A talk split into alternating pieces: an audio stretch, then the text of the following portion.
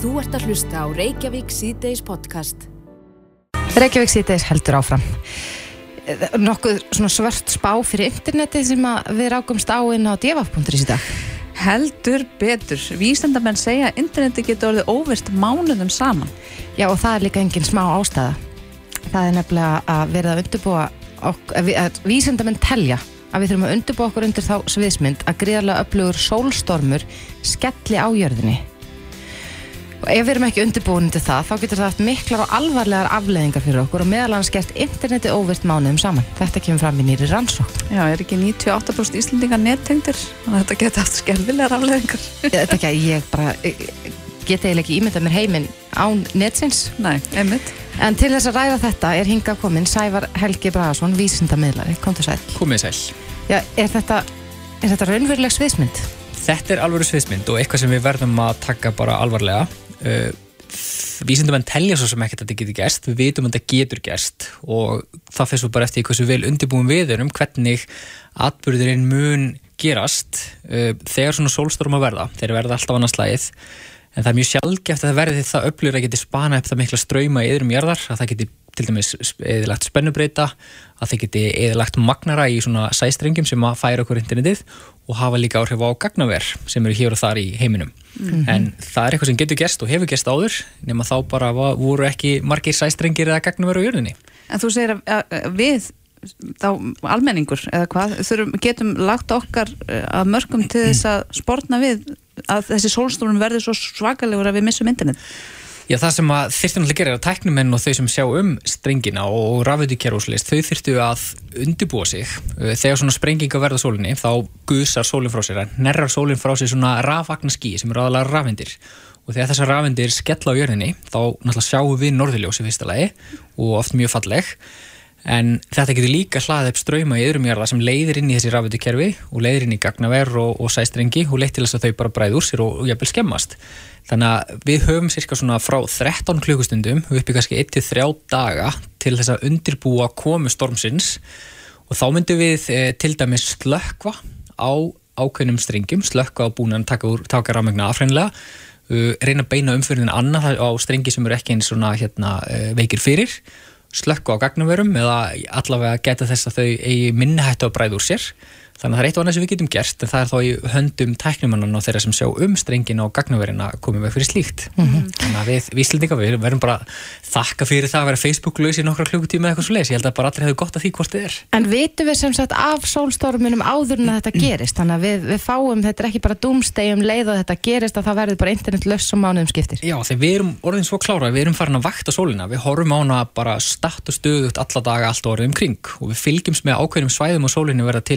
sólblettir. Og sólblettir er svona virksvæði þar sem að segulorka hlaðist upp og svo losnar hún úr leðingi sem sprengingar. Og í þessum sprengingum þá kastast þessar ragnir af stað og ef að jörðin er í skotlínunni þá skellur stormurinn á okkur. Þá verður bara brjálaðslega kvast í gimnum sem reyfir til segulsviði okkar svona svolítið eins og bara þvottasnúrur á vindasömmum degi og því hraðari sem sólvindurinn er því meira er hvassviðir í geimnum. Mm. og því glæsilegur verður norðurljósun líka litrikari og, og dansa, dansa meira. En það er þessir atbyrði sem okkur finnast fallir á heimninum sem geta valdið mestum hafa haft mest áhrif og að því að við erum svo norðalega og nálagt segulpólunum að þá eru við á versta stað, stað í heiminum fyrir svona atbyrði Það. er gagna verið hérna upp í korputorki þarf að, að, að taka það á sambandi. Já það þarf allavega, eða, eða einhvers, einhvern veginn reyna að minka spennuna og fylgjast vel með því sko, að því að e, við höfum dæmi úr sögunni þar sem til dæmis það gerist árið 1859 að þá varð svona öflugur segulstormur eða solstormur sem e, leitti í símskeita símskeiti sem menn voru með. Þannig að það nestaði símskeitum og uh, pappirinn, það kveiknaði pappirinnum það var neistaði svo mikið á milli hérna, uh, náluna og svo gerist það líka árið 1989 í Kanada að spennubreitar uh, breytti úr sér með þeim aflegum að hluti svæðis í Quebec í Kanada var rámakslösi í nýju klukkutíma. Þannig að annað eins hefur nú gerst og það er eitt og annað sem hef, þetta hefur áhrif á líka og það er til dæmis gerfutungla á flögru um jörðina. Eh, nú er SpaceX og fleiri fyrirtæki farin að senda svona internet gerðutunglu loft og við vitum ekkert hvað áhrif svona stormar getur haft á þau. Mm. Þannig getur hreinlega bara eðalegt þau ef úti það er farið. Eh, svo sömulegis vitum við það að þetta þenur andrumsloftið okkar hans út, svona ista hlutan, sem þýðir að gerðutungl finna fyrir meiri núningi og það er lækka þá brautina, breytist spórbreytir þessar gerðutungla. Það er ekkert endilega gott, þetta hefur áhrif á GPS-tungl þetta hefur áhrif á það að uh, flugleiðum er breytt þegar svona stormur skellur á jörninni þannig að fólki sem er að fljúa kannski við póluna að það er breytt um flugleið og farin aðeins lengri leið í staðin til þess að koma vekk fyrir að fólk verði fyrir ómikill gistlun til dæmis. Mm. þannig að þetta hefur svona einu, einu og önnur áhrif á jörðina. Tignaljóst eru þetta að norðurljósin sem við sjáum en þessi sem að geta haft mest áhrif á okkur eru þetta áhrifin á rafvitukerfi og ef við tökum dæmi líka af þessum fyrirtækjum Google og Facebook að þá er Facebook fyrst og fremst með sína gagna þjóna á norðurslóðum, nálat norðurslóðum en nánast enga, það er bara ekki neitt í Suður Amerika eða Afríku og það setur Facebook til dæmis í verri hættu, meiri hættu á að verða sambandslaus heldur en til dæmis Google sem er með fleiri gagn, gagnaver víður um heiminn mm. og stöðu sem er ekki eins veikir fyrir. Þannig að það er að mörg að higgja í þessu. Eh, Greinilega, þetta er miklu starri en ég eh, áttaði mig á. En gefum okkur það að það komi þessi svakalegi sólstormur mm -hmm. og gagnaverin séu vel undirbúin og, og það verður ekki það mikill skadi Já finnur almenningur þá nokkuð fyrir svona sólstormi? Ef við undirbúum okkur vel og reyndar líka jafnvel fjölgum strengjum sem eru betri stakkbúnir til að takast á því svona, allir með þessum magnarar á strengjum sem eru notað til þess að magnum merkið annars slæðið, það eru þeir sem eru svolítið hættulegir. Það er að segja, það eru þeir sem eru veikastir fyrir því þar getur eitthvað slegið út. Sjórin líka er rosalega góður að leiða þetta, því sjórin, sjórin er náttúrulega bara leið, leiðari og þannig að strengir í kringum okkur eftir því sem ég skilði það, það verður fínt að tala við þau sem sjá um með mitt faræs og þessar strengi hvernig þau eru undirbúna því ég þekki það bara ekki neitt. En við gætum ótt vona því já að interneti hjá okkur slá eitthvað út nefnum við undirbúum okkur sérstaklega vel. Og ég vona að við gerum það því að viðskipti og fleira þess að það er náttúrulega allt sitt undir. En þegar við undirbúum okkur um fyrir svona atbyrða heimsvísu að þá verður bara eh, rafmagnir tekið af einhver staðar tímabundið og þá erum við að koma í vekk fyrir eh, skemdir og bara, þú veist, það er betra að vera ramast eða internetlausi í nokkra klukkustundir heldur en mánuðum saman, sko. Mm -hmm. Það er ekkert auðvelt að fara þarna neyður og, og laga strengin ef þeir verða fyrir einhverjum bilunum. Langir strengir eru líka meira hættu heldur en stuttir þannig að sæstrenginir eru vandamál alveg klárlega, en svona nettengingar á yfirborðin eru miklu minni hættu fyrir vikið, mm -hmm. þeir eru litt stittri og ekki eins svona, já, veikir fyrir. Já, ég verð bara að segja að ég er bara mjög þakklátt að, að, að það sé fólk að vakta þetta og vakta sólunum til þess að reyna að koma í vekk fyrir svona lag. Já, já, það varð sko atbyrður í mæt 2012 sem að varð e, álega upplugur þessi sem varð 1859 en ha, ef, jörð, ef hann sá atbyrður hefði orðið viku fyrr þá hefði jörðin orðið fyrir honum og það hefði orðið svona tjón upp á miljarda, miljarda ofan sko, alls þar í heiminum út, út af einmitt svona miklum áhrifum sem þetta hefði haft á rafutukerfi og jörðinu og nettsamband. Mm -hmm. Þannig að þetta er eitthvað sem við þurfum að taka alvarlega að því að á 100 ára tímubili þá eru kannski svona 1 til 12, 13, 14% líkur af því að þetta gerist og það eru óþægilega háar líkur og því háðari neti og rafmagnir sem við erum, auðvitað, því meiri veikleikar eru í kerfinu, gaggvart svona atbyrðum. Þannig að, þú veist, leiðilegt ef að kemur þessi geggja norðlösa síningu og við getum ekki tekið myndi til að setja á Instagram eða Facebook Nákvæmlega, það er stóru máli sko, sem við viljum bara vera inni. Já, Já við vonum það besta. Sævar Helgi Braðarsson, vísendamillari. Takk kærlega fyrir komuna. Takk fyrir mig. Þú ert að hlusta á Reykjavík C-Days podcast. Það var sleið en annað met í dag í COVID-smittum því miður. Mm. Þetta er staðan og, og Þorlu Guðnarsson hefur ég sagt að þessi full ástæða til þess að hafa áhyggjur af veldisvexti í greiningu kornuvörsmita undanfarna daga. Mm. Þetta eru núna held ég samkvæmt COVID.is 1353 einstaklingar sem eru í einangrun. Emmett. 178 greindist í gær þannig að já, útlitið er ekki mjög gott og hann sagði í háttegisfrættum bylgjunar í dag að hann væri nú í stöðuðu sambandi við heilbyrðisáþara um svona næstu skref mm -hmm. og en, telur að það þurfa að herða hér en frekar Já, en það var sem uh, var hjá eftir því þegar að, að uh, þessi nýjasta reglugjörð heilbyrðisáþara sem tekur gild í dag ekki sett mm -hmm. uh, var kynnt að þetta var í raun og veru vægara úrræði um, af þeim sem að Þóruldur svona lagði til mm -hmm. þau hafði það einhverja valkosti og það var allavega ekki farin harðasta leiðin Nei En allir þessir 1300 uh, og eitthvað sem eru sýttir af COVID eru í, í undir eftirliti hjá COVID göngudeildinni sem var komið upp hérna uh, frábær nýsköpunir og verið gangið þar það sem fylgjast vel með þeim sem eru sýttir mm -hmm. en á línun hjá okkur er Solveig Holmfríður Sverrisdóttir. Hún er deildastjóri COVID göngudeildarnar komdu sæl Solveig Komið, komið sælar Já, þið, eins og við sögum hér að þá, þá fylgist þið nú með þeim sem að greinast með COVID. Í hverju eh, fælst þetta eftirlit helst? Já, það hefur falist í því að við hefum verið með síma eftirlit með öllum sem eru smittaðir og e, þá hefur við farið yfir áhættu þætti í þeirra helsufari og metið á út frá því hversu, í, í hversu mikil áhættu þeir eru að veikast og, og þeim síðan eftir þjættar ef fólk er með marga áhættu þætti eða er, er að veikast og verða lasið af COVID. Þannig að Þannig höfum við getað sagt, greint þá sem að eru veikir og fengi á til okkur skoðun hérna í Birkiborg þar sem við höfum hérna, veitir meðferð og gefum við upp á líf og annars líkt og mm -hmm. síðan hafa, hefur við reynt að láta fólk fara bara heim aftur og það er kannski komið hérna tvo-þrá dæru til okkar mm -hmm. en síðan eru alltaf einhverju sem eru það veikir og þeir þurfa innvöld mm.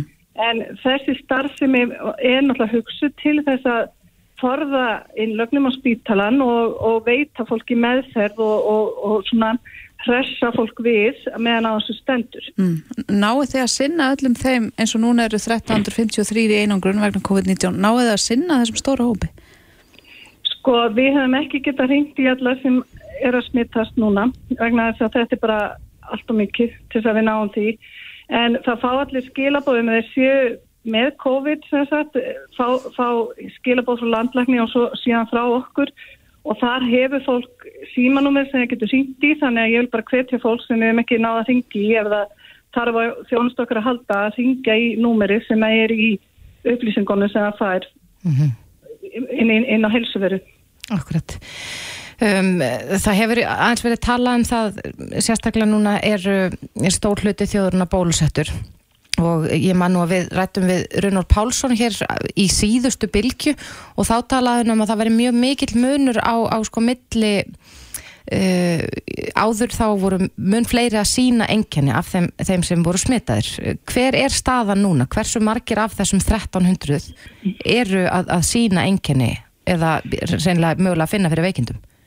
Já, af þessum sko, til dæmis í gæri og í fyrrata þá voru 40 70 manns sem að við mestum gula sem, sem að þýðir að við þurfum að ringið á og, og hérna, ákveða hvort það er að koma hérna til okkar þannig að af þeim komu, hafa syngt og dagi komi einhverju tíu til okkar og þannig að það er talað um 2% innlagnir sem sagt núna af deltaafbreyðinu Og, en við sjáum það náttúrulega mjög vel að, að þeir sem eru bólusettir, þeir eru með miklu vægar enginni, það er alveg bara, það bara er mjög greinilegt, mm. en það eru, það eru mjög margir sem eru óbólusettir og þeir eru að síkjast og það eru þeir sem eru að lenda talsett í alvarlegum veikindum. Mm -hmm. Einmitt, e, eru einhverjar af þessum 1353 sem að finna bara hreinlega ekki fyrir neinu? Já, það, það eru flestir sko, það mm. eru mjög margir mjög margir og mikið á ungu fólki núna og börn hafa ekki verið að finna fyrir eilan einu þannig að það eru svona flesti sem eh, bara taka þetta mjög létt sko mhm. -huh. en, en þeir sem ekki gera það þeir geta orði mjög veikir og, og þetta verða mjög alvarleg veikindi ef þau fá að matla og, og verða verða mikil skilu ef við náum ekki að grípa fólk áður en að veikist mjög alvarlega þá, þá, þá verður þetta getur þetta orðið mjög alvarlegt. Mm -hmm.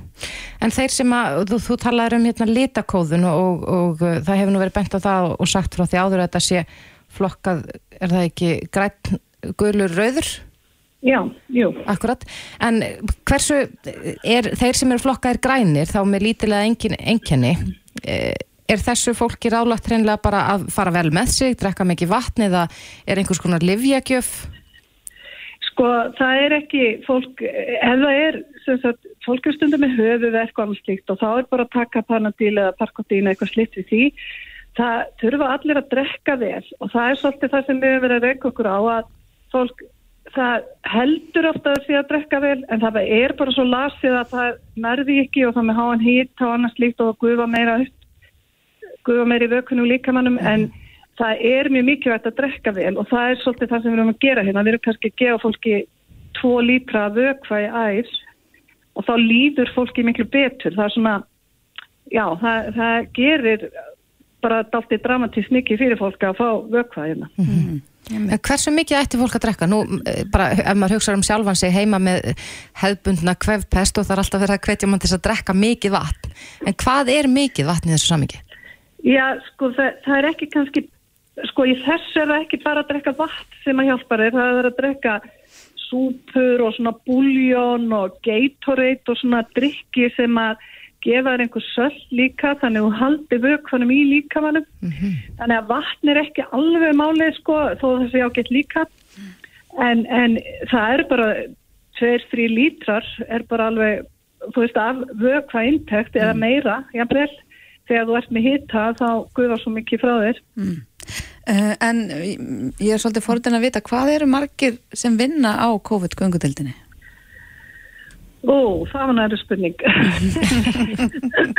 við, við höfum náttúrulega, við bætum svona í, ég hef nú bara ekki talið það núna sko, en við erum að reynum að bæta í fólki núna þegar að bylgjan hefur vaksið svona og þá kallum við inn fólk og reynum að fá meira fólki en ég reyna að vera með hérna í Birkiborg. Ég held að séu, held ég, fjórir sjúkronafræðingar niðri núna, ef ekki fimm.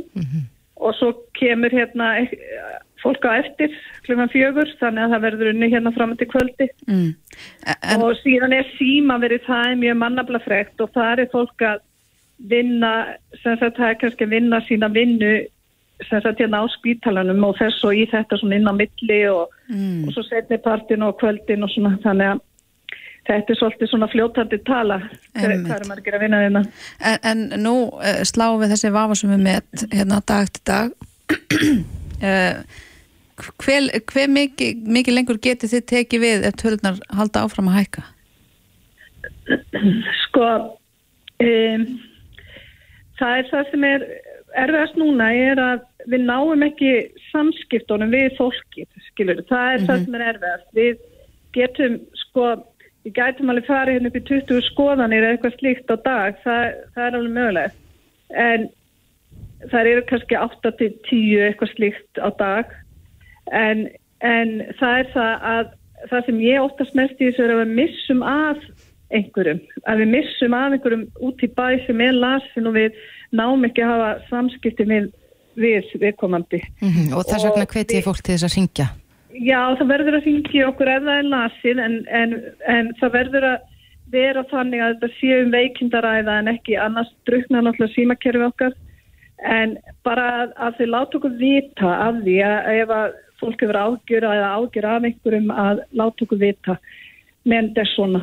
Akkurat. Síðan er verið að þróa svona rafræna lausnir en það er bara ekki alveg tilbúnar þannig að við þurfum að vona að það muni hjálpa okkur í framhaldinu. Já, til þess að þá geta haft samskipti, haft samskipti við þá sem að, eru síktir. Já, Já, við óskum ykkur bara góðs gengis, þetta er stórt verkefni og, og uh, eflust ekkert að minka allavega á næstu dögum. Solveig Holmfríður Sveristóttir, deildastjóri COVID-göngudeildarinnar. Takk kærlega fyrir þetta. jú, takk sem leiðis. Þetta er Reykjavík C-Days podcast. Já, það hefur líklegast ekki farið fram hjá neinum að þing hefur ekki komið saman eftir uh, kostningar í haust og ástæða náttúrulega það sem við umstundum kalla kostningaklúrið í norðvestu kjördami. Já, já, en er ekki samt pressa, það er ekki að vera búið að eh, kalla til þings hvað annan desember? Já, alltaf einhvern tímann í byrjun desember, Já. samkvæmt uh, stjórnarskrá. Mm En uh, hingað er sest uh, Þóreldur Sunna Ævarsdóttir, fulltrúi Pírata, ertu velkomin. Takk. Um, hér á vísi stendur að uh, kynning ríkistjórnar geti dreigist um eina til þrjárvíkur. Já, Um, náu við þessu, náu við að kalla saman þing fyrir byrjun desember? þetta er góð spurning. ég hugsa að fara svolítið eftir niðurstöðu meiri hlutans í nefndinni, hvað, hvað nákvæmlega gerist, hvort að við förum í uppkostningu í norðvestu kjördami og hvernig það lítur þá út og já, hvort að þing komur saman þrátt fyrir uppkostningu eða, eða hvernig nákvæmlega þessi framkvæmt verður, þetta er náttúrulega alveg ótrúlega stað sem við erum í. Já, að kjörbref hafa ekki ennþá verið samþygt og að við séum með hvað alltaf 16 þingmenn sem að vita ekki ennþá hvað verður um þeirra þing setu. mm verður ferlið einfaldar ef svo maður segja, ef að önnur hvort talningin gildir en ef við förum í upp, uppkostningu þá mm, vitum við í rauninni ekki alveg nákvæmlega hvernig þetta verður sko hvort einmitt að þing komið saman og svo verði kostið aftur eða hvort að náist að kjósa aftur fyrir uh, uh, fyrir þann tíma sko. sko ef að þau ákveða að taka gilda annarkvort fyrir eða setjum talningu að þá kemur þingi saman og getur samþýtt kjörbreyf samkvæmt því. Mhm. bara með þetta sami í raun. Um, þannig að það myndi gerast tölvöld traðar Mhm. En hvernig er þessi byð? Ég, sko, ég veit náttúrulega, þið, þið hittist þingflokkurinn vantarlega og ræði málinn. Já, við hittum strekkilega á fyrir við stöðuna í undibúnings kjörbrefa nefnd Mm og uh, svona spáum í spilin um hvað það er sem að mögulega getur komið út úr þeirri vinnu og það er ennþá bara mjög óljóst uh, og þar að auki er við að undibúa þingmál og, og hugsa svona hvað við viljum leggja áherslu á og eitthvað slíkt. En þetta er náttúrulega skrítin staða að við erum ekki með það á hreinu. Hverjir verða í endalegum þingflokki pírata? Eru, eru flokkatinn sem eru í stjórnaraðstöðinni núna, eins og staðan er núna, meðan einir flokkatinn eru að reyna að mynda ríkistjórn eitthvað búin að tala sig saman um, um plan B ef þetta klikkar hjá þeim? Já, ég meina við höfum alltaf lagt til aðra, aðra tegund af ríkstjórn og við höfum alltaf haldið því fram og, og haldið því aðþað fram að ef að málefnin reyður raunverulega för bæði hjá vinsti grænum og hjá framsókna þá væri það að skoða aðra kosti heldur en þá sem þau verðast vera að binda eh, já, svona loka hnútina á núna. Uh, og það væri til dæmis minnihlutastjórn sem að pírata myndi styðja sem væri með samfélkingu framsókn og uh, vinsti grænum eða þá bara ríkstjórn með okkur innan bors uh, þetta höfum við lagt til. Og við höfum ekki fengið nein viðbræð við því, ekki mm. aukat ekki orð. Þannig að mér heyrist hún að vera frekar fókuserið á að, að ná saman um áframhaldandi ríkistjórnarsamstarf sem okkur þykir auðvitað miður, okkur finnst ekki eins og kannski hefur verið haldið fram af uh, formunum þessara flokka að, að nýðustuðu þessar kostninga þýði einhvern veginn afgerandi áframhald þessara ríkistjórnar eða það sé einhvern veginn vilji kjósenda, ég minna að þau segja fyrir kostningar að þær séu um málefnin sem að þau leggja á borðið. Og ég á ennþá mjög bátt með að sjá hvernig náist málefnilega samstæða um bæði það sem að framsvallaði áherslu á, líka það sem að vinstri grænlega áherslu á fyrir kostningar með sástæðisflokki í ríkstjórn þannig að annarkvort er þetta um málefnin eða um áframhaldandi stjórnarsamstarf en ekki bæði, að mínu viti. Heldur það að komið til þess að við þurfum að grípa til plans B eða heldur að þau uh, myndi þessa ríkistjórn? Tja, ég vona þetta að komist til, þess að við hérna, myndum ykkur aðra ríkistjórn heldur en þessa sem er, þessa sem er í kortunum. En mér sýnist þau nú an- ansi ákveðin í að, að mynda þessa, það er nú margt sem bendir til þess að þau séu bara að loka metranum en ég verður náttúrulega að benda að það er úslas, mér finnst mjög spes að, að fylgjast með þreim, þremur formunum sitja eins og bara í einhverjum saumaklúpi að, spjalla sína á milli um hvernig þau ætla að gera þetta. Og mér sýnist engin annar í þeirra flokkum einhvern veginn vera að taka þátt í þessu samtali. Er ekkert Í búið að þessar út, Er ég held að það sé emmitt út af því að það eru bara þau þrjú að setja saman að spjallin hver á að gera hvað og hvernig og hvað að vera í svona stjórnarsáttmála. Og mér skilst að þau ætla að hafa sem minnst í stjórnarsáttmálanum sem auðvitað vekur ákveðin ugg hjá mér um, um að þetta verði áframhaldandi bara kyrstaða, lítið um róttaka breytingar sem að við þurfum að sjá meðal annars að takast á við lostasmálin uh, vegna þess að þau bara einfallega ná ekki saman um þessa mikilvæga stóra áskorunni sem að við stöndum fram fyrir akkurat núna. Þannig að þetta verður bara eins og hefur svo sem alltaf verið þegar að sjálfstæðisflokkurinn hefur stjórn að hver ráð þeirra ræður svona nokkurn negin sínu ráðuneyti og þetta verður svona einhvern veginn og ég held að það verði ekki einhver skýr helstað sín sem þessi ríkistjórn sem í kortanum mun færa landsmennum einhvern veginn um, um hverska stefni framtíðinni heldur bara áfram þessi stöðuleiki sem að þau talta fyrir sem að ég hef alltaf kallað bara samstöðu um stöðnun Já. Nú var náttúrulega kosið að hausti til. Eh, Þetta geti mögulega kannski sett þingið í ákveðin vandræði bara með það framleggja lögum eins og til dæmis að skila fjárlögum fyrir áramót. Já, við erum alltaf komin í rosalega vandræði með það og þetta sýnir auðvitað bara hversu ótrúlega sjálfkvært þetta var að ákveða kjósa hausti til þess að fá þessa Já, það mætti að kalla þetta auka mánuði vegna þess að, að þingi var ekki að störfu um allan annan auka tíma nema mínus kannski mánuður, einn og hálfur sem að ríkistjórnin kefti sér með því að kjósa hausti.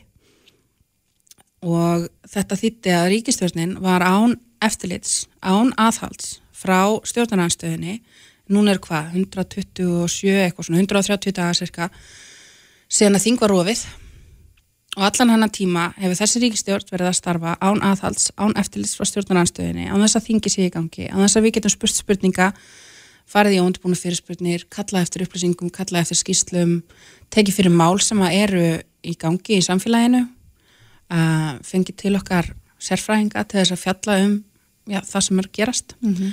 og mér finnst það náttúrulega bara mjög alvarleg stað en þetta gagnaðist vissulega ráðandi stjórn bara mjög vel þótt að mér finnst þetta mjög ólýræðislegt Já, maður velti fyrir sig hvaða áhrif þetta hefur á svona henn almenna borgara út af því að við kannski erum núna bara búin að setja ykkur stellingar að býða fá svona regla fréttir af því af mm. undirbúinskjörbreyðanend og þeirra vinnu og fáum svona einhverja glefsur af einhvers konar ríkistjórnarsamstarf en vitum svo sem ekkit mikið í, hva, í, í hver það fælst hvað þýður þetta fyrir okkur almenna borgara að uh, ríkistjórnin sé svona lengi eftirlitslaus í rauninni?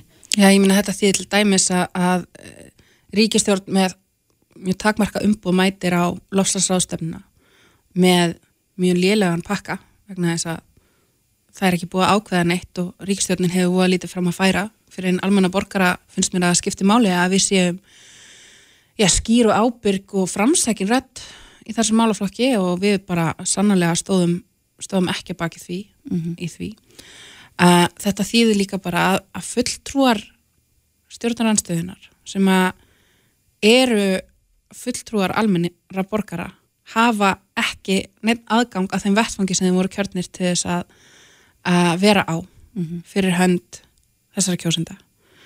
Og það þýðir að við höfum ekki tækir sem að við vennilega höfum til þess að veita ríkstjórnir aðhald. Og getum ekki synd okkar starfi eins og við ættum að gera. En ég minna að það sem þetta þýðir líka er að einhvern tíma verður að koma fram fjárlega framvarp það er alveg að hreinu og svo staðarend að við höfum kosið að hausti þýðir að hver einasti dagur sem að undirbúni skjálfbreðanemndir að starfum og, og við erum ekki komið með starfhafa ríkistjórn og þingar ekki komið saman er dagur sem við höfum þá ekki til þess að rýna í fjárlagafrumvarp ríkistjórnarinnar til þess að veita um þetta mikilvæga aðhald sem að stjórnarnarstaðan vissulega veiti þegar kemur að fjárlagafrumvarpinu mm -hmm. þetta þýðir líka að hvena sem við byrjum þá er það orðið allt og seint að byrja á fjárlögum ég finna þið sjá það að við erum venilega að byrja í september mm -hmm. með fjár, sko eftir kostningar að þá á ríkistjórnarna mæta með sko fjárlagafrumvarp í september mm -hmm. uh, og það er svona eðlugur tími til þess að byrja það starf mm -hmm. ekki sko í lók nógumber, byrjun desember jafnvel eitthvað tímanu meðan desember ja, Þá var þessi vinna náðu þið eitthvað að rýna í þetta? Náðu þið eitthvað að andmæla? Sko ég verið tvö þing þar sem að fjárlega frumvarp kom mjög sendinn og var unni mjög hratt. Mm -hmm.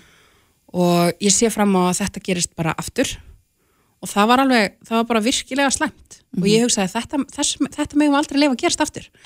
Að vegna þess að við höfum engan tíma til þess að fara, þetta er rosalegt skjár þetta er mikil vinna sem fer í þetta. Þetta þýðir bara að mistökum munum vera gerð. Þetta þýðir að það er ekki nógu gott eftir þið með því í hvaði verða að ráðstafa öllum fjármunum almennings í raun, þessi fjárlögur er náttúrulega bara uh, fjárhagur ríkisins eins og hann mhm. leggur sig. Og þetta þýðir að þetta verður gert með alltaf miklu flíti sem þýðir bara að það, það mun eitthvað skólast til, það mun vera eitthvað vittlisa og þetta mun ekki vera unni vel og ekki í nógu gagsæðun í líraðislegu ferli. Mm -hmm. og þetta er auðvitað bara beinafleðinga því að það er ákveðið að kjósa hausti. Og með að við það að þessi ríkstjórn ákveða að kjósa hausti í þetta skipti það segir mér að hún er mjög líklegt til þess að ákveða að kjósa hausti aftur næst enda, enda sjáum við það og ég bara bendi á það að þetta gagnaðist ríkistjónin alveg greiðlega vel að kjósa hausti mm -hmm. hún gæti eitt öllur sumrinu í að taka alls konar vinsalar ákvarðanir að útdela skúfufið, að opna brýr og vegi og bara vera mjög ábyrjandi í umræðinni og meðan að stjórnarnarstaðan kennst lítið sem ekkert að vegna þess að það eru kostningarinnátt mm -hmm. sem er alveg merkilegu líðræðishalli sem átt sér stað þarna fyrir utan það að þessar ákvarðanir sættu þá heldur ekki líðræðislegu aðhaldi allan hennan tíma um, fyrir utan auðvitað að við tölum um þing árin sem, sagt, sem þing, sem sagt, eitt, það er svona svolítið eins og skólaanirnar hjá okkur, við byrjum að hausti og klarum að vori mm -hmm. og við erum búin að við erum búin að sóa núna að verða hálfu þing ári sem er verðanlega frá september til desember í þessa afgræðslu sem að við hefðum þetta átt að vera að nota sumriði mm -hmm. ef að við hefðum kosið á réttum tíma Já Einmitt það, Þóruldur Sunna Ævastóttir frá Pýrutum, við komumst nú ekki mikið lengri með þetta í byli. Uh, er þið ekki farið að hlaka til að halda þína fyrstu ræðu á nýju þingári? Ég er hann mjög óþreyfull eftir að komast til starfa, vissulega. Það er gott mál, við, við hlökkum líka til að fá hér nýja ríkistjórn og fylgjast með lífin á þingi en uh, nú verðum við að hleypa auðlýsingum átt og koma aftur eftir skammastund. Reykjavík Ég held að meina alveg að staðhafa það Þórdís að í öllu þessu COVID-fári þá höfum við Íslendingar aldrei uppgötað netvæslanir. Já, Mikill uppgangur hjá íslenskum fyrirtækjum. rosalegur. Mm Nú getur maður bara verslað nánast allt á netinu. Og Nánast? ég er sko, s- sumir eru á móti þessari þróun og sumir eru á móti er kannski vilja ekkit endilega vera að afgreða sig sjálf eins mikið og, og, og er kannski svolítið að gerast. En mér finnst ofbáslega gott að geta bara afgreitt mín mál sjálf. Já. Það hendar mér, þó það hendi ekki endilega öllum. Nei, nei, en það er líka fínt að hafa valkosti. En við erum komið hér með tvo góða gesti. Það er varðandi ákveðnar uh, rannsóknir á hegðun okkar þegar við verslum á netinu. Já, er hún ekki alltaf eins? Já, það er góð spurning. Kanski geta Trausti Haraldsson hjá Procent og Andris Magnússon hjá Samtöngum Verslunar og Þjónustu svara þessari spurningu. Uh, velkomnir. Herru, takk fyrir það. Erum við, já, misjöfn og við erum mörg þegar kemur að því að versla á netinu? Já, já, það er náttúrulega, sko heilt yfir er mikil aukning eins og við vitum og hefur talað um. Uh, samt er ákveðni hópar sem er að versla meira en aðris og svona að meðatali er ísningurinn að versla svona 30 daga að meðatali á ári. Það er svona 23 svara á mánuði. Mm. En síðan erum við hópar sem eru alveg upp í 45 daga á ári. Mér meira sko. Er það mest? Það eru, já, það er svona það sem mest er og þetta er hérna svona aldurinn, þetta er ekki semst yngsti kynnslóðin, þetta er svona 25 og alveg upp í 44 ára aldurinn sem er svona helsti hópurinn á netinu. En hverjir er, eru þarna í lægstu prósentunum? Hverjir versla minnst á netinu? Sko, það er 65 ára eldri en þessi hópur er svona, svona farin að nýta sér tæknina mjög mikið. Þú veist, þetta er um það byl uh, 80% af þessum hópi er komið með snjálsíma Mhm. og er að versla með honum líka á netinu og það er alveg komið ágætis svona hlutvall þar líka og við erum að sjá það líka að þessi hópur er mjög mikið alltaf að kanna á netinu uh, skoða í netverslununa áður en koma á staðinn þannig að þetta er svona nýju svona uh, hvað að segja, nýja verslunin áður en farið á staðinn hjá eldrahópnum Mhm. þannig að ef við komum til verslunir ekki með góða netverslun þá er síður farið og skoða Já, en Andris, hvað segja þínir svona, já, skjólstæðingar við þessu? Þetta er, er mjög margt að færast á netið og margir hafa þurft að, að, svona, svolítið að flýta sér í að, að koma sínum verslunum á netið. Er þetta eh, ógvænleg þróun að eitthvað mati? Ald- Aldrei ekki, þetta er bara svo þróun sem er að vera allstaðir í kringum okkur og, og hefur alveg fram að COVID farið mjög hægara stað hér á Íslandi enn í nágrannandum okkur. Það hefur verið alveg eftirtæktavert. COVID, þegar COVID skall á fyrir eh, þarna í mars 2020, þá fór að bylgja. Það, eh, hérna, þróunin varð mjög mun hraðar en mun áttu, áttu vona á uh, af augljósum ástæðum vegna þess að uh, fólk uh, gati í mörgu tilfellum ekki farið inn í Vestlani, vegraði sér við því. Þannig að netverslun tók algjört stökk þegar COVID kom og í nóvembur í fyrra, fyrir akkurat ári síðan, þá var slegið algjört met uh, hér á Íslandi, þá var 17% af allri veldu í smásölu verslun á Íslandi í formi netverslunar Mm. sem var algjört met. Og það náttúrulega kom til uh, þetta, það var svona nokkuð í lockdown á Íslandi á þeim tíma. Og þessi þrýr stóru alþjóðlega viðskiptadagar dagur einhleifra, svartu föstudagur og rafrætt mánudagur Mm. þeir voru allir í þeim mánuði og það náttúrulega hjálpaði mjög mikið til Mm er, er einhver spá núna? Ég, það er engin spá en það verður mjög uh, aðtiklisvert vægast sagt að sjá, bera saman tölurna þegar þær byrtast þegar nóvembur er búin í samanböru við tölurna fyrir og við býðum út af fyrir spennt eftir því. Mm En það sem að ég kannski var út af þessum fundi í morgun og því sem að þessu samstarfu sem við höfum átt við prósent að það var náttúrulega trösti kemur inn á það eftir það er sem er ánægilegt að sjá. Það er tryggð íslenskra neytenda við íslenskra netverslanir. 71% þeirra sem tóku þátt í konunum hjá prósent kjósa frekar af eiga viðskipti við íslenska netverslanir erlendar eh, sé sambarðu dvörúrval um að ræða. Og það er mjög uppbarfandi ekki síst að þessum tímum sem við erum að lifa þegar stórir stóru alþjóðlegu rísarnir í raun og veru gína yfir öllum viðskiptum. Að eh, fyrirtæki svo Amazon, Google, Apple og allir þessi fyrirtæki eru orðin ofbóðslega fyrirfæra mikil á öllum sviðum viðskipta uh, hvað sem er í heiminum. En er þá kannski COVID að hjálpa okkur út af því að það uh, hefur náttúrulega tekið langan tíma að fá sendinga til landsins og þar framöntu góttunum. Getur það verið? Já, ég meina fyrir okkur í vestluninu yfir höfuð hefur COVID ekkert verið slæmt. Við erum margótt sagt það í viðtöl og meðal að sér á þessu eftir og ekki hefur margt tökkið það sko og íslenska, íslenska áheyrendur að, að sko eins og allir vita hættu Íslendingar að ferðast eftir sem áður er mjög störk kaupgeta á Íslandi eins og sterka, sterkasta í hinn vestrana heimi. Þannig að e, mjög stór hluti af þeirri neyslu, þeirri eðslu sem að við, við hérna Íslendingar e, framkvæmum í öðrum hagkerfum svona venjulega sem er gífulega háur uppaðir fóru, fra- eh, hérna, fóru inn í íslensk hagkerfi og okkar uh, fyrirtæki nýtu mjög góðs af því. Bara og á sama hátt sko eins og segir, það hefur hægt á flutningshraða og þetta ítti náttúrulega bara mjög undir uh, þróuninni í netverslun, ég vil segja sem betur fyrr af því að við vorum aftar uh, setni að taka við okkur í þeim efnum en samburðarlöndin uh, þá erum við að tala um Skandinavíu-löndin fyrst og fremst sko Þannig að eh, við höfum ekkert verið að gráta COVID per se sko, þannig að það hefur margt gott skeið, margt gott, uh, businessin hjá okkur hefur notið góðs að því og svo erum við bara þetta uh, samstagsverkefni sem að trösti ætlar að gera betur grein fyrir hérna og eftir, er bara nýtt mælingatæki fyrir fyrirtækin hjá okkur til að fylgjast með hvernig þróunin er á einstökum mörgum, hvernig neytendahegðunin er, bæði í baksinsspeglinum og fram á við. Það þá er eiginlega komið að þér tröstu að segja okkur frá þessu verkefni. Þeir eru það að fara að stað með, eh, er það ekki mælaborð?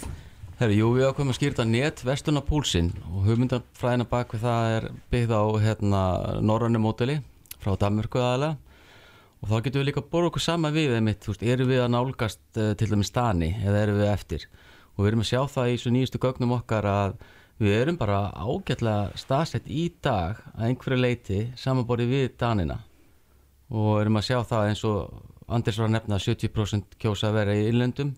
Það er sama hlutallið í Danmörku. Uh, og hérna líka við erum með mjög hátt hlutall sem þeir nota úti þegar að kanna hversu margir hafa vesla síðastlina viku og svona uppsafnað.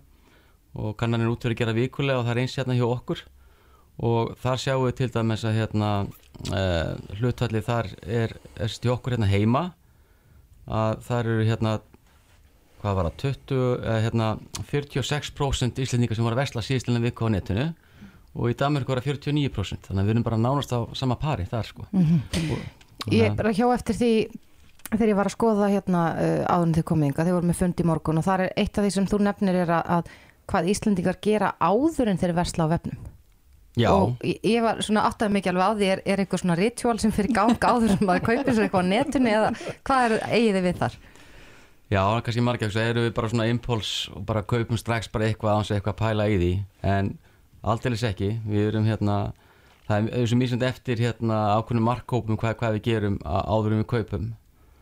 Og það er um það byrja 65% af þjóðinni sem gerir eitthvað áður en við ákveða að kaupa vöruna En hvað? Nákvæmlega, býtu, býtu, býtu 65% gera eitthvað eitt ákveð áður en það kaupa? Já, sko það er hérna svona í 40% tilfella þá eru að kynna sér vel vöruna á innihalslýsinguna áður en vesla er.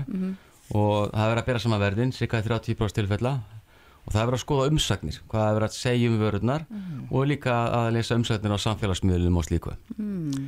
en hins vegar eru 38, nei, hérna, 38% sem eru ekki að kynna sér vörunar og þá fer það eftir svona þetta er svona skyndibita matur eitthvað svona ekki svona eins þýðinga mikið sem þetta vesla er en við sjáum til dæmis konur að kaupa skó þá er hlutfalli alveg upp í 85% að gera eitthvað áður en þú kaupi vöruna. Þú er bara að skoða alla innihaldslýsinguna og pæli í þessu. Ok, Ég- ég er nú alveg segum það Ég líka, ég meina ég þarf að vita hvort það skórtin séu leður að innan og utan eða hvort og, það og sé eitthvað. stærðir og svona. Já, já, En þetta er jákvæmt vandanlega að fólk sé svona aðeins að Mjög hugsa svo. út í hvað það er að kaupa. Það er kannski algjörlega. kauphegðun. Já, en það kemur líka að ljósa að þeir sem er að kaupa á netinu það er mjög látt hlutfall sem er að skila vöru. Það er bara 1% á öllu leiti sem er að skila, þannig að það er mjög látt sem sýnir það að fólk er alveg með, með það, það er að hugsa mikið um uh, vörun og þjónustun áður en að kaupa hana.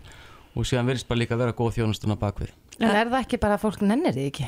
Já, Sko, það getur það ekki spilað í, sko, ég, ég tala nú á reynslu hafandi keft ímislegt á netinu að finnst alltaf svo mikið umstanga skila. já það, ég get alveg trúið því og það er kannski meira vandamál að kaupa hana erlendis frá.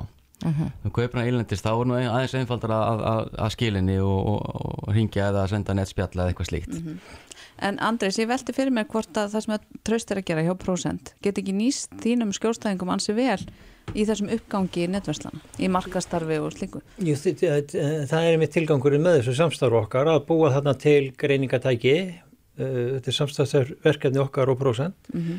uh, fyrir fyrirtækin hjá okkur til að uh, sko horfa á þróunina út frá eigin stöðu máta sig við umhverfið þess að það er á hverjum tíma þetta sem þeir eru að gera er að mæla þetta að þú getur fengið mælinguna á viku, uh, vikubasis, mánaðabasis, ásjörungsbasis og hvað sem bara eftir vilja hvers og eins fyrirtækis. Þannig að í þessu uh, gífulega harða samkefnisöngari sem öll fyrirtæki og ekki síst í verslum búa við, þá er afar mikilvægt að hafa svona öflugt grein, grein, greiningatæki Þetta hefur virkað vel, uh, við tökum þetta bara upp sem að fyrirmynd frá Danmörku og Svíþjóð. Uh, Þetta hefur virkað á, uh, mjög vel þar, þetta eru og veru sýstur samtök okkar þar sem standa bak við þetta.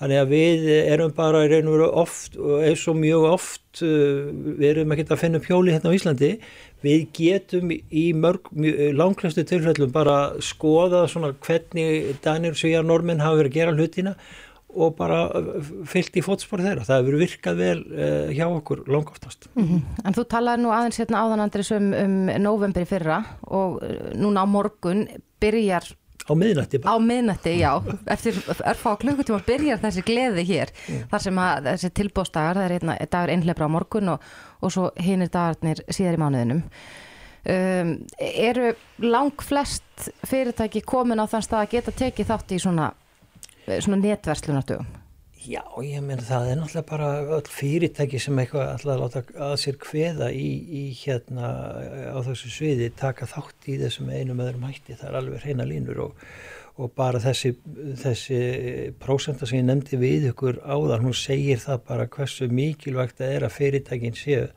séu stakkbúin til að hérna, eh, veita þessa þjónust og hjálpa neytendur til að eiga viðskipti með þessum hætti. Mm við ég- bara svona til uh, upprýfinu hérna, það var svona fimm ár sem við heldum stóra ráðstefnu hérna bara nýra á Grand Hotel þar sem við vorum að tala um netverslun og uh, fengum held ég belgískan spíkar til að koma þá sko og hann sagði þeir sem er ekki ég byrjaði að hugsa um þetta núna þeir verða ekkit í business eftir tvö ár og ég held að margir hafi nú tekið það til sín sem þessi 250-300 mann sem voru á þessum fundi.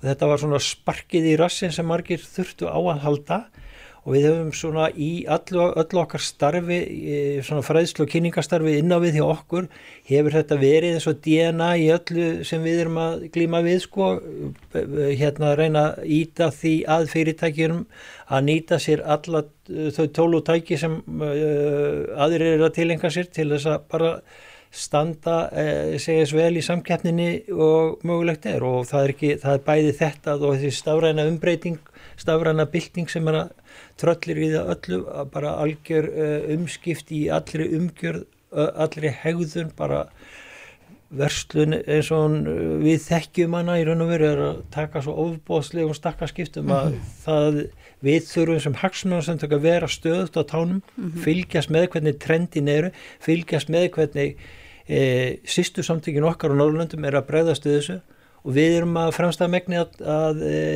í raun og að taka bara upp aðferðarfræðinu þeirra. Já.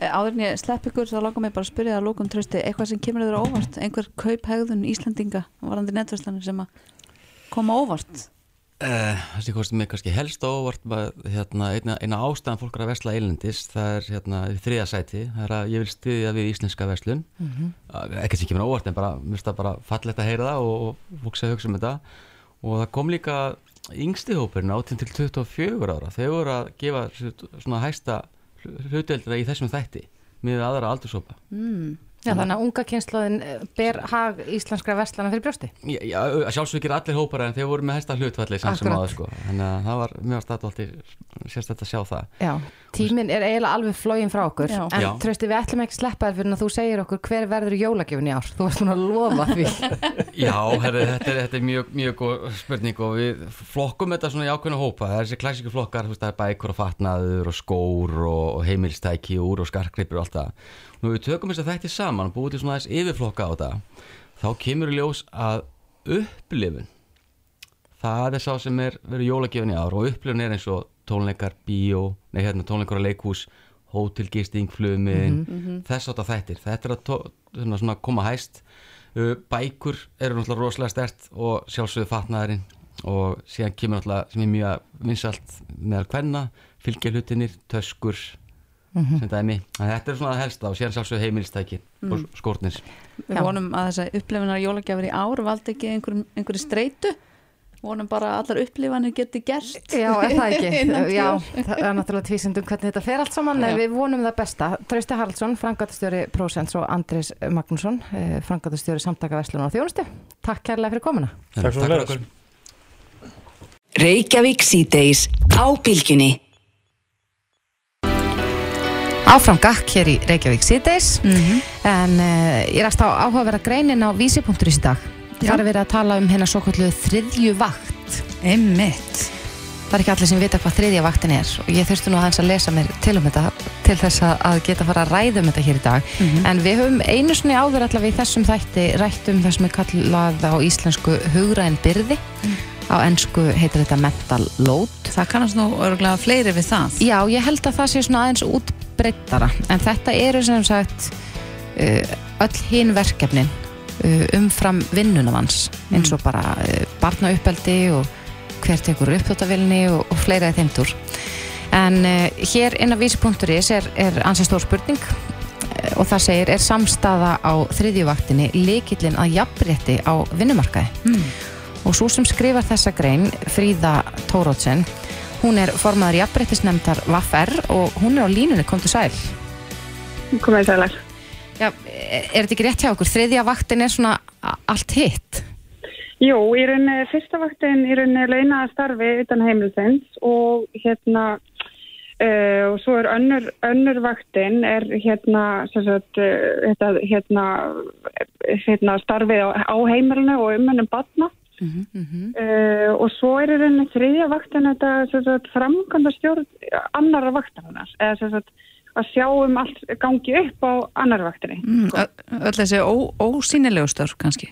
Já, já, þessi emmitt ósýnilegu ósýnilegu starf sem að hérna, þarf eins og að vinna eh, eða sinna sem sagt, á hverjum degi. mm Ég held að kannist nú margi við það að leggjast á kottan á kvöldin og, og þá fer hjá sumum svona einhver listi í gang verða að muna að gera þetta sem tengist tómstundum barnana eða kaupa þetta fyrir uh, matinn daginn eftir. Er, er þetta dæmi um, um þriðivaktina? Þetta er akkurat dæmið um þriðvægtina. Þetta er hugrænt, þetta er hugrænt að skiplæðið, áallanir að leggja minni, minni hverju þarf að finna, hvenar og hvernig og er rauninni gott að hugsa þetta muna eftir að muna. Æ, ó, ég þarf að muna þetta.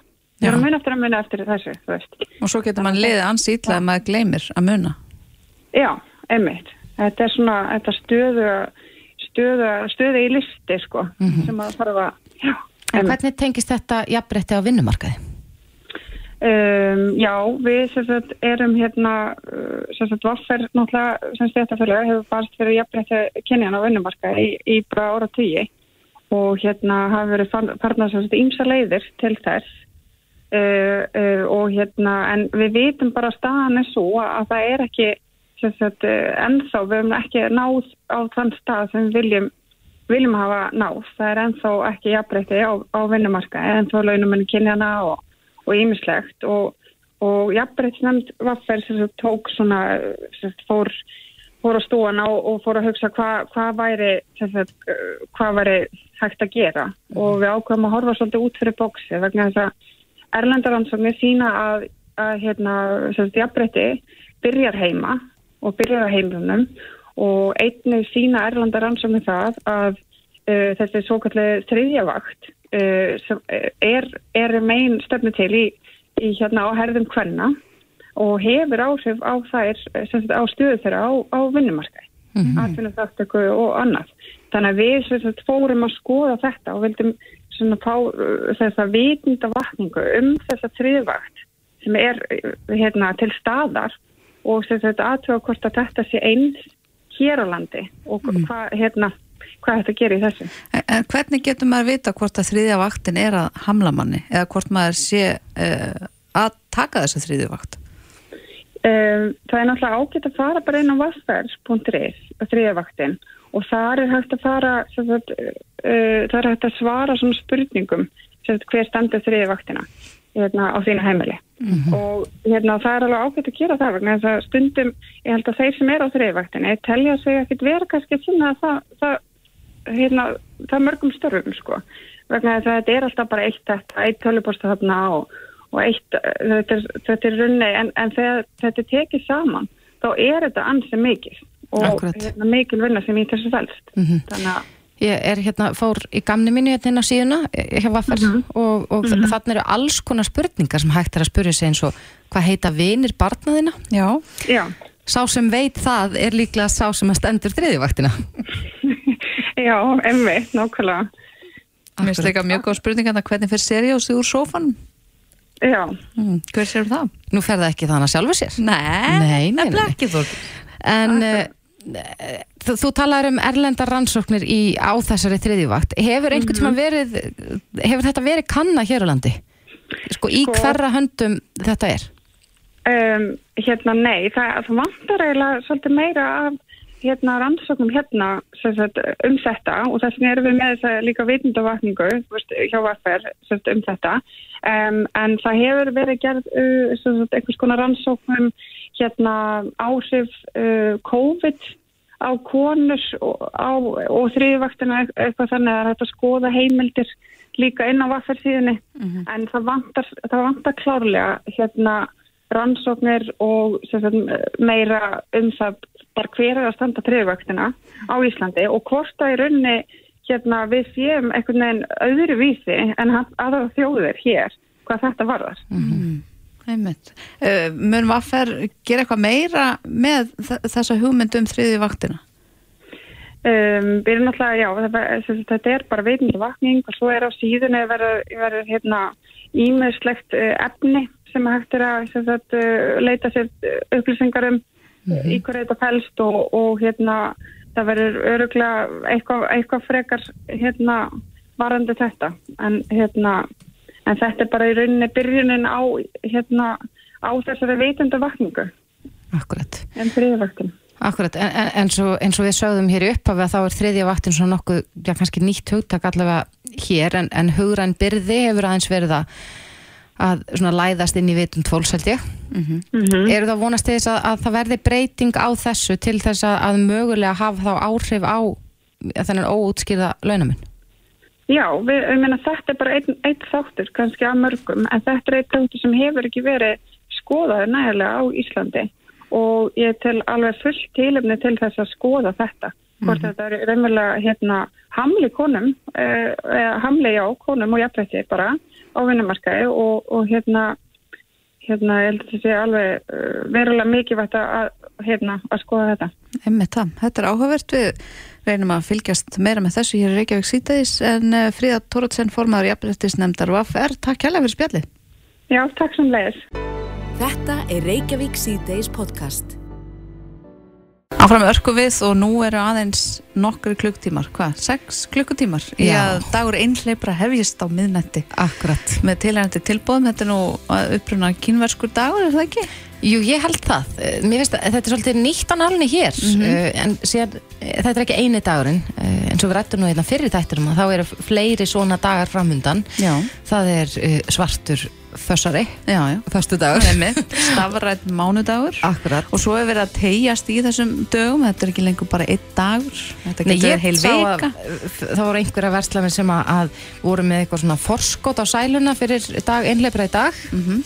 En ég sem neytandi spyr mig sko í fyrsta lagi er, er þetta raunveruleg tilbúð þar maður, hvað þarf maður að hafa í huga þegar maður er að, að svona kannski að æsast upp í þessum tilbóðsdögum Emmitt og Breki Karlsson, formaði neytendasamtakana, hann er mættu til okkar og ert þú ekki emmitt rétti maðurinn til að svara þessum vangaveltum Þórdísar? Já, ég veit ekki, en, en hi- hitt veit ég að á örfáum árum hafa þessi dagar hérna, verið trommaðir upp sem svona helstu kaupgleðileikir eh, ársins með tilheyrandi hérna, kvartningu til okkar að, kaupa, kaupa, kaupa eins og vestlun væri að fara úr tísku. Og hérna og meðfram því er líka verið að hvetja til misgæfilegar skuldsetningar. Það er hægt að fá lán fyrir kaupunum og borga kannski ekki fyrir ný, á næsta ári. En uh, við þurfum náttúrulega bara að vera vakandi og, og ekki láta glepja okkur til að, að að kaupa hluti sem okkur vantar ekki fyrir peninga sem við eigum ekki til að gangi augun á fólki sem við þekkjum ekki. Jáhá. Já, það eru góð orð, þetta er alls ekki lokaorðin þó að þetta er svo geggju lokaorð. En Breki, hvað ámar að hafa í huga þegar að, að svona mm, dagar bresta á? Uh, til dæmis, sko, velta maður í fyrir sér það hefur ótt verið talað um að að stundum eru tilbúð bara alls engin tilbúð Já, fyrsta lagi verður við náttúrulega að, að við eigum ekki að vera að kaupa hluti sem við þurfum ekki sem Mhm. hérna uh, okkur vantar ekki. Þannig að, fyrsta lagi þurfum við að, að skilja vel á milli uh, hérna, þess sem okkur vantar og þess sem okkur langar í. Um, síðan þurfum við að gæta að, að, að þó að það sé hár afsláttur af hlutum þá þeir ekki endilega að hluturinn sé á góðu verði. Uh, hérna ef mikið ef sérst, hluturinn er mjög dýr eða, eða hérna uh, mjög mikið álag á, á, á hérna, þá, þá er afsláttur af háu verði ekkit endilega hérna, ekkit endilega gott sko, að Uh, og síðan þurfum við náttúrulega líka að hugsa um sko, uh, við þurfum ekki að, að, að enn eitt hlutin til þess að fylla hérna, geimslutnar okkar sko. við, hérna, ég veit ekki, fóreldra mínir áttu hérna, fótanuttæki og, og, og einhvers þvílík tæki sko, sem, sem gerði ekkit annað en að fara beint hún í, í kjallara og, og, hérna, Ég og er, er, er þar örglega ennþá sko. Já, ég þóra einhvern veginn að veðja að þessu þó nokkur svona sous-vide tæki alveg pottið einhvers þar í geimslum Það er alls konar svona tæki. Já, En er þetta ekki frekar annars, er þetta ekki annarsami dagar hjá þér Breki og, og starfsmennum neytendasamtakana? Er, er koma mikið af fyrirspurnum eða ábendingum? Jú, við fáum mikið af tilkynningum þessa dagana, einmitt um að, að, að því miður þá eru einstaka veslanir, alls ekki allar og mikill minnihluti sem virðast hækka verð rétt fyrir svo- þessa daga bara til þess að lækka þá aftur. Þannig barst okkur í fyrra tilkynningum að, að hlutur hafi hækkað um 20.000 krónur einungis til þess að vera lækkað síðan um 10.000 í- á, á þessum, þessum dögum og þetta er náttúrulega hérna, ekki bara, þetta er bara ólöglegt og, og hérna, þess vegna hvetjum við alla neytendur til að vera á, á Varbergi og tilkynna um slíka uh, slíkt framferði ef að þeir verða varfið við þetta. Og við höfum náttúrulega núna einmitt tækni til þess að uh, fylgjast með verði, við getum hérna, laumast í dag til dæmis og, og séð hvert raunverulegt verð fyrir afsláttin er og, og síðan hérna, borið það svo saman við uh, meint tilbúð uh, hérna á morgun. Er það kannski besta ráðið að vinna heimavinnuna? Algjörlega og uh, myndi eins og segir sko, við getum uh, borið saman verð ekki bara hér heima heldur líka við verslanir erlendis og, og, en mikilvægast af öllu er náttúrulega að vera ekki að kaupa einhvern óþara já, að kaupa ekki bara vegna þess að tilbúðið er of gott til að vera satt algjörlega. En segðu mér, nú er netverslun uh, alltaf verða meiri og meiri hér á landi. Eru neytendur að þínum að þið nógu meðvitaður um reglur sem gilda hvað varðar netverslun, til dæmis skilareglur og annað slíkt? Já, við hérna, uh, sérst, Európa-sambandi gerir alltaf reglulega rannsókn á hérna, þekkingu fólks á, á, og við Íslendinga komum bara mjög vel út. Uh, erum við þannig að sko, vitum vel okkar rétt. Uh, við vitum til dæmis að, að hérna, skilaréttur á vörurinn sem við kaupum á netun er 14 dagar sem er betri réttur heldur en við, ef við kaupum vöru út úr búð af því það er engin sko, lög sem gilda um skilarétt á ógallaðri vöru. Uh, hérna, það er bara undir hverju búð, uh, hverju verslun hérna, sett hvernig, hvernig skilareglur eru á ógallaðri vöru. En, en á netunu áttu alltaf rétt á 14 daga skilarétti. Þetta er eitthvað sem, sem við þekkjum og við Íslendingar komum hvað best út af öllum uh, Európaþjóðum það eru bara danir sem vita meira um, um neytandamál og, og réttindi sín í heldur en heldur við Íslendingar Kemur endar ekki óvart að þeir tróðum topnum. En kostunum við netverslun er vissulega það uh, sá að maður fær kvittununa í tölpústi. til dæmis og, og, en varandi þessa tilbústaga og skilaréttin er hann sá sami, sérst, ef ég kaupi á degi innleipra eitthvað afslætti hef ég þá þessa 14 daga Allt, þú er alltaf, ef þú kaupir á netinu þá hefur alltaf, jafnvel þú sækir í búðina Mhm. ef þú kaupir eitthvað á netinu og sækir svo í veslunina þá áttu rétt á uh, að skila veru í 14 daga náttúrulega ef hún er ónötuð og í upprænlegum umbúðum og allt þetta Mhm. uh, í heila 14 daga og getur maður að fara fram á bakfærslu á kortið Já, algjörlega, það er bara að fá endurgreislu í sömu mynd og, og þú, þú greitir Já, ég held að þetta er svo góð áminning fyrir uh, marga sem ætla að nýta sér tilbúð morgundagsins. Algjörlega. Býst við því. En uh, já, eins og við segjum, það eru fleiri svona dagar framöndan og þið hvetjið neytendur til þess að kaupa ekki að óþörfu. Forðast ofneislu, Glæsilegt. Breki Karlsson, formaður neytendarsamtakana. Takk kærlega fyrir komuna. takk fyrir